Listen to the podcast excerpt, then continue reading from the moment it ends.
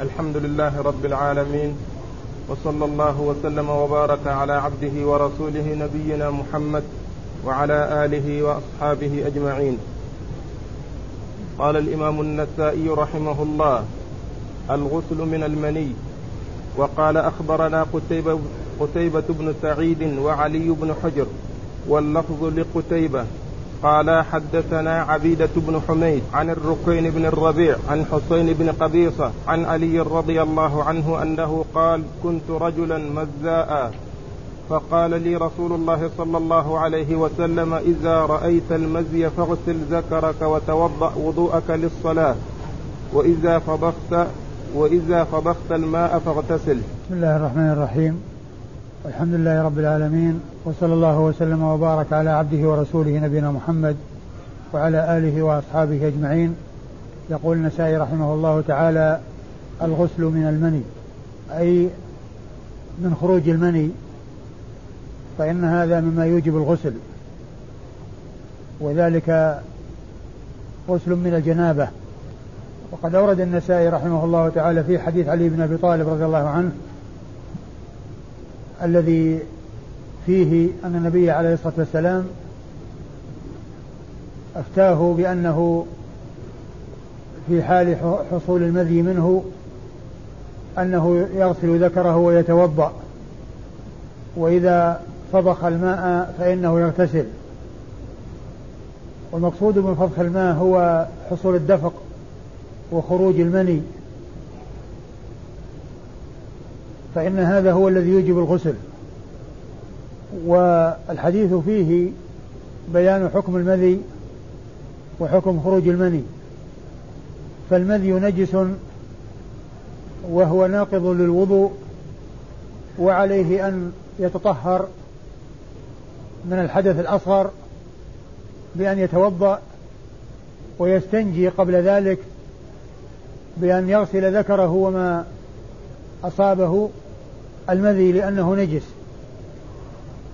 وقد تقدم هذا في باب مستقل. وفيه وفي هذا الحديث زيادة وهي الشاهد للترجمة وهي الاغتسال عند خروج المني. لأن الخارج مذي ومني فالمذي ينقض الوضوء ويلزم منه ويلزم منه الوضوء وذاك يحصل به الحدث الأكبر ويلزم منه الاغتسال. وقد مضى في الأحاديث السابقة أن علي رضي الله عنه آه وكل المقداد بن الأسود في السؤال عنه وذلك لاستحيائه من رسول الله صلى الله عليه وسلم بمكان ابنته منه. لكونه صهره زوج فاطمة رضي الله تعالى عن الجميع. وهذا الذي جاء في هذا الحديث مبني على أساس أن المقصود هو أنه سأل بواسطة بواسطة ولم يكن مباشرة لأنه أوصى غيره أن يسأل وبين سبب عدم إقدامه على السؤال.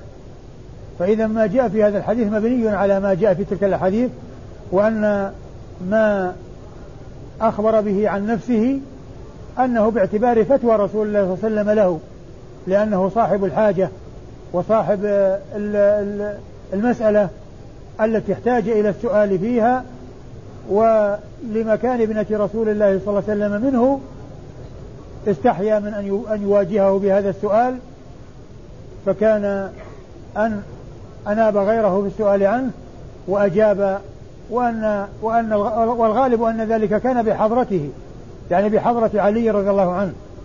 ولهذا فإن أصحاب الكتب عدوا هذا من مسانيد علي من مسند علي. لأنه على اعتبار أنه حضر القصة وأنه سمع ما قال رسول الله صلى الله عليه وسلم لكنه لم يكن هو الذي وجه السؤال وصدر آه، منه السؤال مباشرة إلى الرسول الكريم صلى الله عليه وسلم. وإذا فخروج المني من الإنسان رجل أو امرأة فإنه يوجب الغسل من الجنابة. وهذا هو معنى قوله إذا فضخت المنيا فاغتسل. أما إسناد الحديث فيقول النسائي أخبرنا قتيبة ابن سعيد وعلي بن حجر. قتيبة بن سعيد هو الذي تكرر ذكره كثيرا وهو قتيبة بن سعيد بن جميل بن طريف البغلاني وهو أحد الثقات الأثبات وحديثه عند أصحاب الكتب الستة. أما علي بن حجر فهو السعدي المروزي الذي سبق أن مر ذكره وهو ثقة خرج له البخاري ومسلم وأبو داود والنسائي. الترمذي والترمذي والنسائي. البخاري ومسلم والترمذي والنسائي. أربعة. اثنان صاحب الصحيح واثنان اللذان هما الترمذي والنسائي. خرج لعلي بن حجر السعدي وهو أحد الثقات الأثبات. قال حدثنا. قال حدثنا عبيدة بن قال حدثنا عبيدة بن حميد حدثنا عبيدة بن حميد وعبيدة بن حميد هذا سبق أن مر ذكره وهو صدوق ولا ثقة؟ نعم صدوق ربما. صدوق ربما أخطأ وهو صدوق ربما أخطأ وخرج حديثه آه، أبو داود والنسائي وابن ماجه. أبو داود والنسائي وابن ماجه. وقد نعم. هكذا؟ عندي البخاري والأربعة. البخاري والأربعة؟ نعم. البخاري والأربعة؟ نعم البخاري. نعم. خرج له البخاري والأربعة عبيدة بن بن حميد. وهو صدوق ربما أخطأ. الذي خرج له أبو داود والنسائي وابن ماجه يعني سيأتي. عبيدة ابن حميد صدوق ربما أخطأ خرج له البخاري وأصحاب السنة الأربعة ولم يخرج له الإمام مسلم. أيوة. عن الركين بن الربيع. عن الركين بن الربيع وهو أبو الربيع. كنيته توافق اسم أبيه. كنيته توافق اسم أبيه. وهو ثقة خرج حديثه خرج حديثه مسلم وأصحاب السنن الأربعة. خرج حديثه مسلم وأصحاب السنن الأربعة. عن عن حسين بن قبيصة. عن حسين بن قبيصة. وحسين بن قبيصة هذا ثقة خرج حديثه من؟ أبو داود والنسائي وابن ماجه. أبو داود والنسائي وابن ماجه. هذا هو الذي خرج له ثلاثة من أصحاب السنن الأربعة. أبو داود والنسائي وابن ماجه ولم يخرج له الترمذي ولم يخرج له الشيخان البخاري ومسلم. عن عن علي. عن علي رضي الله تعالى عنه. علي هو أمير المؤمنين أبو الحسنين رابع الخلفاء الراشدين وأحد العشرة المبشرين بالجنة. وأحد أصحاب الشورى الستة الذين وكل الأمر إليهم عمر بن الخطاب رضي الله تعالى عنه وهو صهر رسول الله صلى الله عليه وسلم وابن عمه و آه، الحسن والحسين رضي الله تعالى عن الجميع وقد مر ذكره فيما مضى من الأحاديث وحديثه عند أصحاب الكتب الستة. الركين بالإضافة إلى مسلم والأربعة روى له البخاري في الأدب المفرد. الأدب المفرد اللي في الركين؟ إيه. الركين. نعم. البخاري في الأدب المفرد ومسلم وأصحاب السنن الأربعة. قال أخبرنا عبيد الله بن سعيد قال أنبأنا عبد الرحمن عن زائدة حا قال وأخبرنا إسحاق بن إبراهيم واللفظ له قال حدثنا أبو الوليد قال حدثنا زائدة عن الركين بن الربيع بن عميلة الفزاري عن حسين بن قبيصة عن علي رضي الله عنه أنه قال كنت رجلا مزاء فسألت النبي صلى الله عليه وسلم فقال إذا رأيت المزي فتوضأ واغسل ذكرك وإذا رأيت فضخ الماء فاغتسل. ثم أورد النسائي حديث علي رضي الله عنه من طريق أخرى وهي مثل التي قبلها فتوى رسول الله صلى الله عليه وسلم له بأنه إذا أصابه المذي يغسل ذكره ويتوضأ وضوءه للصلاة وإذا فضخ الماء أي دفقه وأنزله فإنه يغتسل من الجنابة. و وإسناد الحديث يقول عبيد الله بن سعيد. حدثنا عبيد الله بن سعيد. وعبيد الله بن سعيد هذا هو تقدم ذكره فيما مضى وهو ثقة مأمون سني. ثقة مأمون سني. لأنه أظهر السنة في بلاده سرخس. وش من خرج له؟ نعم. أخرج له البخاري ومسلم والنسائي. أخرج له البخاري ومسلم والنسائي. أخرج له الشيخان والنسائي. وهو ثقة مأمون سني. يقال له سني لأنه, لأنه أظهر السنة في بلاده. وهي سرخس. قال أنبأنا عبد الرحمن.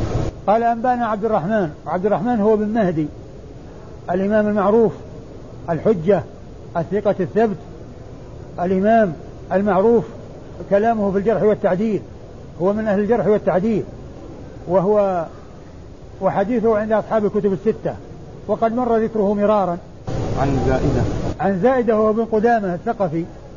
زائدة بن قدامة الثقفي وهو ثقة ثبت خرج حديثه أصحاب الكتب الستة. حول الاثنان قال وأخبرنا إسحاق بن ثم أتى بحاء التحويل.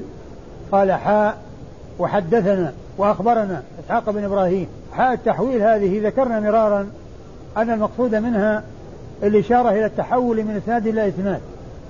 عندما يذكر إسنادا ويقطع فيه مسافة من حيث ذكر الرجال ذكر بعض الرجال يعود فيستأنف ويذكر إسنادا آخر يبدأ من شيخ من شيوخه ثم يستمر حتى يتلاقى مع الإسناد الأول. فهذا يؤتى بحاء التحويل بحاء الدالة على التحويل والتحول من إسناد إلى إسناد وهذا هو معناها أو المراد بها هذه الحاء والتي تأتي على على صورة حرف حاء بين الإسناد المتأخر والإسناد المتقدم وذكرت فيما مضى أن النسائي كالبخاري يستعملون يستعملان يستعملانها بكثرة لأنهما يفرقان الأحاديث على الأبواب. يستعملانها بقلة لأنهما يفرقان الأحاديث على الأبواب فلا يحتاجين إلى استعمال يحتاجان إلى استعمالهما بكثرة. بخلاف مسلم الذي يجمع الأحاديث في مكان ما واحد فيكثر منه التحويل والتحول من إسناد إلى إسناد. أما البخاري والنسائي فإنهما يستعمل يستعملان التحويل ولكنه ليس بالكثرة التي تقارب مسلم أو تدانيه بل بينهما بون شاسع في استعمال التحويل وعدمه والسبب في ذلك ما ذكرته. مسلم يجمع الأحاديث في مكان واحد فيحتاج للتحويل. البخاري والنسائي لا يحتاجان إلى جمع الأحاديث في مكان واحد فلهذا لا يحتاجان إلى التحويل كثيرا. مسلم يحتاج للتحويل وهما لا يحتاجان يحتاجان إليه. لأن الحديث الذي يأتي بطرق متعددة يفرقون تلك الطرق على الأبواب. ولكنهما أحيانا يجمعون بعض الطرق فيحصل بذلك استعمال التحويل كما هنا وكما سبق أن مر في مواضع عديدة. وإسحاق بن إبراهيم هذا شيخه هو ابن راهوية الحنظلي وهو ثقة ثبت آه إمام وهو من أهل من من المحدثين ومن الفقهاء معروف بالفقه ومعروف بالحديث وخرج حديثه أصحاب الكتب إلا ابن ماجه خرج حديثه أصحاب الكتب الستة إلا ابن ماجه كما عرف كما ذكرت ذلك سابقا. قال حدثنا أبو الوليد. قال حدثنا أبو الوليد وهو هشام بن عبد الملك الطيالسي. هشام بن عبد الملك الطيالسي وهو وهو ثقة ثبت إمام خرج حديثه أصحاب الكتب الستة. حدثنا زائدة. حدثنا زائدة وهنا حصل الالتقاء في الأسانيد.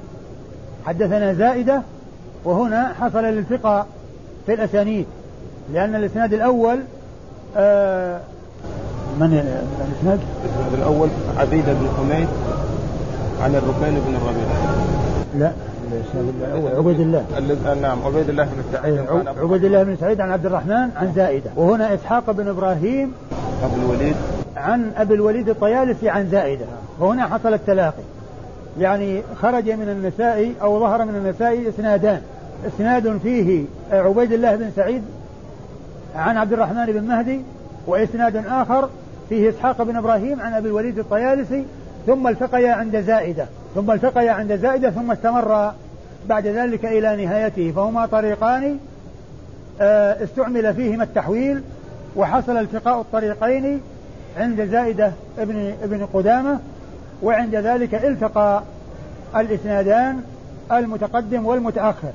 عن زائدة عن عن ركين؟ عن الركين نعم. أيوه عن عن الركين بن الربيع بن عميلة الفزاري عن حسين بن خبيب عن علي. أي نعم. وعند ذلك اتحد الإسناد. عن عن الركين آه، آه، آه، الركين؟ ابن الربيع. الركين بن الربيع ابن عميلة الفزاري عن قبيص عن حسين بن خبيب حسين بن قبيصة عن علي. عن علي رضي الله تعالى عنه. قال غسل المرأة ترى في منامها ما يرى الرجل. وقال أخبرنا إسحاق بن إبراهيم قال حدثنا عبده قال حدثنا سعيد عن قتادة عن أنس رضي الله عنه أنه قال إن أم سليم رضي الله عنها سألت رسول الله صلى الله عليه وسلم عن المرأة ترى في منامها ما يرى الرجل. قال إذا أنزلت الماء فلتغتسل. ثم أورد النسائي رحمه الله تعالى هذه الترجمة وهي وهي غسل غسل المرأة ترى في منامها ما يرى الرجل. غسل المرأة ترى في منامها ما يرى الرجل يعني من الاحتلام.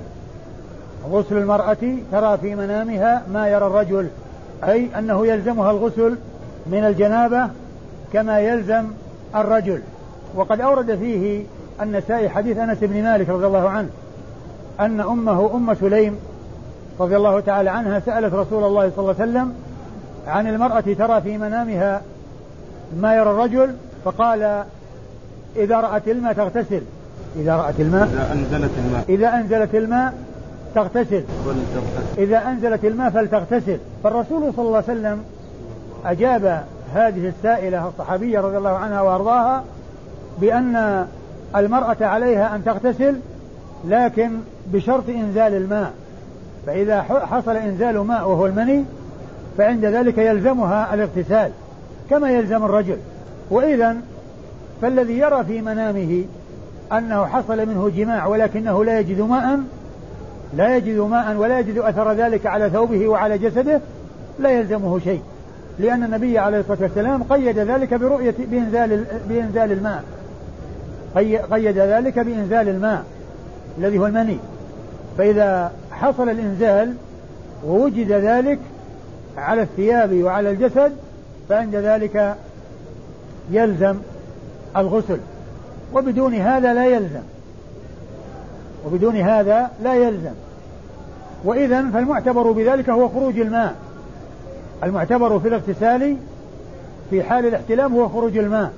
فقد يرى النائم في منامه أنه جامع ويقوم ولا أثر على على جسده ولا على ثيابه.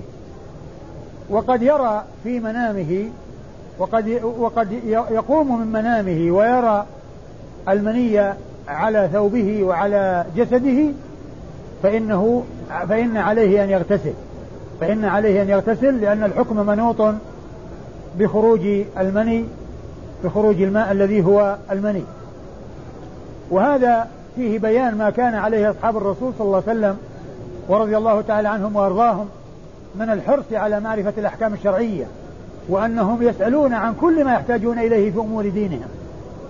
ولا يمتنعون من ذلك ولا يستحيون من أن يسألوا عن أمور دينهم بل يسألون عن أمور دينهم. ولو كان ذلك من الأمور التي آه، آه، في, في, في النفس منها شيء في نفس المرأة منها شيء عندما تتحدث بذلك بحضرة الرجال أو تسأل عن مثل هذا السؤال بحضرة الرجال وهو مما يستحيا منه في حق النساء. ومع ذلك فلم يمنعهن آه، آه، ذلك من التفقه في دين الله عز وجل ومن الحرص على معرفة الأحكام الشرعية. وهذا فيه الدليل الواضح على أن أصحاب رسول الله صلى الله عليه وسلم تلقوا عن النبي الكريم صلى الله عليه وسلم الحق والهدى وبينوا وأدوه إلى من بعدهم وأنهم وأنهم سمعوا منه وتلقوا منه أخذوا سمعوا أقواله ورأوا حركاته وسكناته فنقلوا ذلك واتبعوا رسول الله عليه الصلاة والسلام ودلوا غيرهم إلى هذا الهدى وأرشدوهم إلى طريق السلامة والنجاة. فالخير كل الخير باتباع النبي الكريم صلى الله عليه وسلم والسير على ما سار عليه سلف هذه الأمة الذين هم خير هذه الأمة وهم أصحاب رسول الله صلى الله عليه وسلم الذين ما كانوا ولا يكونوا مثلهم ولا يكونوا مثلهم لأن الله تعالى اختارهم لصحبة نبيه صلى الله عليه وسلم ورضي الله تعالى عنهم وأرضاهم فهم الواسطة بيننا وبين رسول الله عليه الصلاة والسلام ونحن ما عرفنا القرآن والسنة إلا عن طريق الصحابة فلهم فضل عظيم علينا لأنهم الواسطة بين الواسطة بيننا وبين الرسول صلى الله عليه وسلم ولا سبيل إلى المسلمين آه، في الوصول إلى الرسول عليه الصلاة والسلام إلا عن طريق الصحابة الكرام رضي الله تعالى عنهم وأرضاهم. ومن لم يأخذ آه، دينه ويأخذ عقيدته ويأخذ آه، أحكامه التي يتعبد الله عز وجل بها عن ما جاء عن الصحابة الكرام وعن من سار على على منهاجهم فإنه حائد عن عن عن الجادة. وضال وضال الضلال المبين وترك آه، الحق والهدى وابتعد عنه واتبع غير سبيل المؤمنين. لأن الله تعالى اختار اختار لرسوله صلى الله عليه وسلم أصحابا أوجدهم في زمانه وخصهم الله تعالى بهذا التكريم وبهذا التشريف. فهم الذين شرفهم الله بالنظر إلى طلعته في هذه الحياة الدنيا وسمعوا كلامه منه عليه الصلاة والسلام. وإذا فهذا فهذا السؤال من أم سليم رضي الله تعالى عنها وهو من الأمور التي يستحيا منها وتستحي النساء أن تتكلم بها بحضرة الرجال ومع ذلك لم يمنعهن الحياة في الدين من لم يمنعهن الحياة من أن يتفقهن في الدين بل سألن عن أمور دينهن ولو كان ذلك مما يستحيا منه. وإذا فهذا دليل على أن الصحابة رضي الله عنهم وأرضاهم تلقوا عن النبي صلى الله عليه وسلم آه الأحكام الشرعية وأنهم آه سألوه عما يشكل عليهم ولو كان ذلك من الأمور التي يستحيا منها لكن آه التفقه في دين الله عز وجل لم. لا يمنع الحياء لأن العلم إنما يحصل بالسؤال ولو كان ذلك في الأمور التي يستحيا منها لكن لما كان في الأحاديث المتقدمة لما كان عليا لما كان علي رضي الله تعالى عنه وأرضاه آه، آه، صهر رسول الله صلى الله عليه وسلم وتحته ابنته فاطمة رضي الله تعالى عنها وأرضاها لما كان آه، لما كان هذا التقارب في المصاهرة استحيا من أن يواجه الرسول صلى الله عليه وسلم بالسؤال ولكنه لم يمتنع ولم يترك أن, أن, أن يتعرف على الحكم الشرعي فأناب غيره ممن يتولى ذلك غيره ليتولى ذلك وحصل مقصوده وحصل للأمة معرفة الحكم الشرعي بهذا السؤال الذي آه، آه، استحيا علي رضي الله عنه وأرضاه أن يسأل ولكنه آه، أناب غيره بأن يتولى السؤال فحصل الجواب لعلي ولغير علي رضي الله تعالى عن الصحابة أجمعين. هذا الحديث أخبرنا إسحاق بن إبراهيم إسحاق بن إبراهيم عن عن عبده. عن عبده. أخبرنا إسحاق بن إبراهيم. إسحاق بن إبراهيم هو الحنظلي ابن راهوية المشهور بابن راهوية. وكما قلت فيما مضى المحدثون يقولون راهوية. وأما أهل اللغة فيقولون راهويه يختمون بويه يختمون بويه. وأما المحدثون فهم يقولون راهوية. وهو إمام فقيه محدث خرج له أصحاب الكتب الستة إلا ابن ماجه. خرج له أصحاب الكتب الستة إلا ابن ماجه. قال حدثنا عبده. قال حدثنا عبده وهو بن سليمان الكلابي وهو ثقة ثبت حديثه عند أصحاب الكتب الستة. حديثه عند أصحاب الكتب الستة. قال حدثنا سعيد. قال حدثنا سعيد وسعيد هو, هو ابن أبي عروبة وهو وقد مضى وهو ثقة خرج حديثه أصحاب الكتب الستة أيضا. عن قتادة. عن قتادة وقتادة هو بن دعامة السدوسي. قتادة بن دعامة السدوسي وهو ثقة خرج حديثه أصحاب الكتب الستة. عن أنس. عن أنس أنس بن مالك هو خادم رسول الله عليه الصلاة والسلام وهو من صغار الصحابة.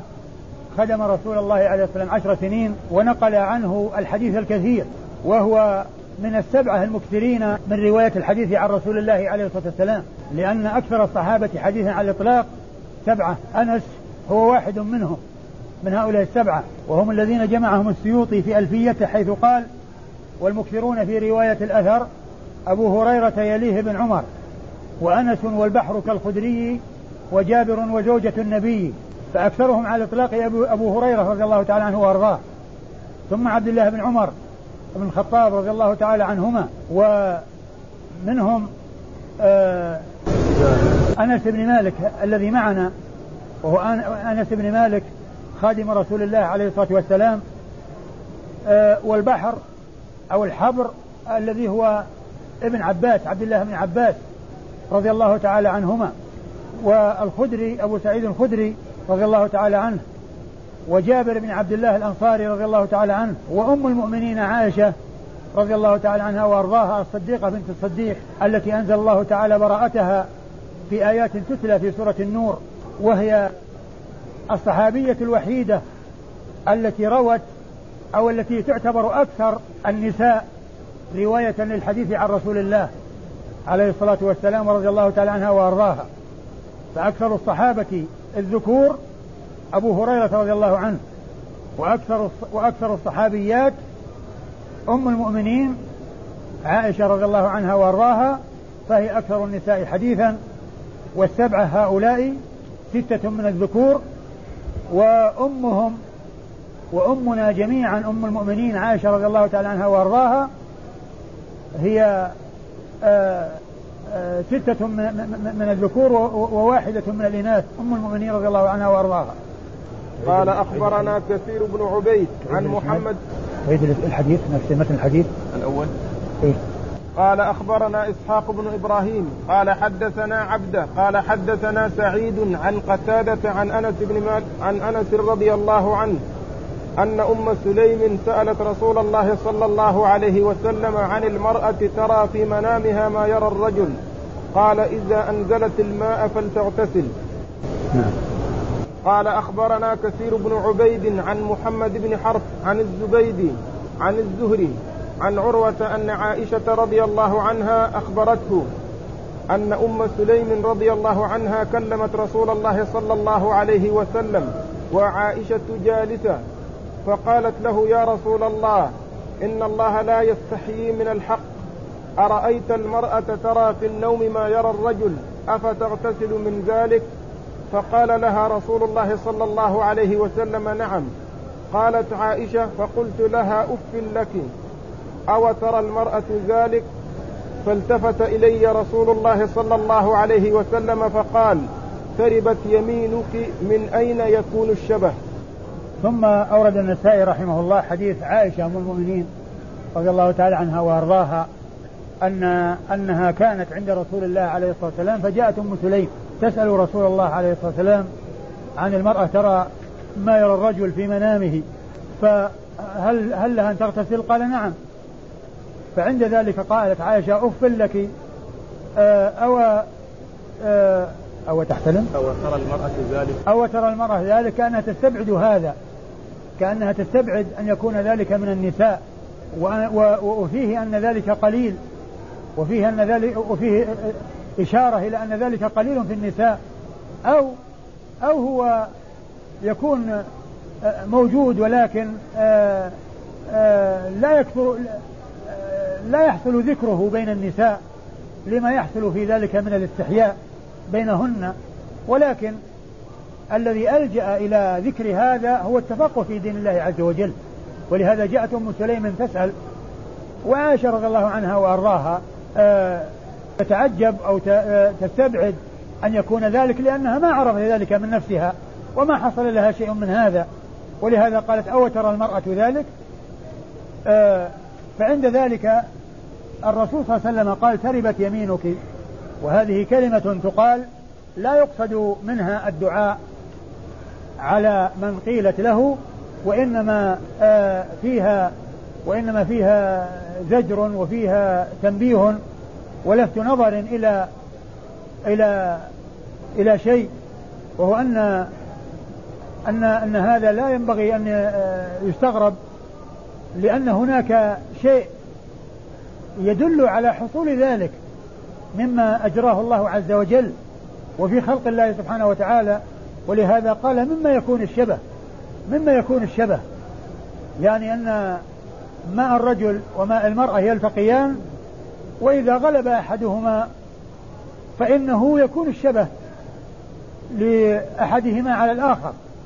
فقد يشبه المولود أمه وأقواله وقد يشبه أباه وأعمامه ولكن قوله ثم يكون الشبه يعني أن هذا ما كان إلا بسبب الماء وبسبب ما يخرج من المرأة. فإذا كون المرأة تحتلم وكونه ينزل منها منها ماء هذا حاصل وواقع والشبه الذي يكون للغلام بأمه وبأخواله وبأقاربه أقارب أمه إنما هو من حصول مائها ولكون كونها لها ماء. ولكونها لها ماء فعند ذلك يكون الشبه. فالنبي الكريم صلى الله عليه وسلم بين آه، حصول ذلك ووقوعه بل وأرشد إلى شيء معروف مشاهد معاين وهو حصول الشبه في أقارب الأم. وأن ذلك بسبب ماء الأم.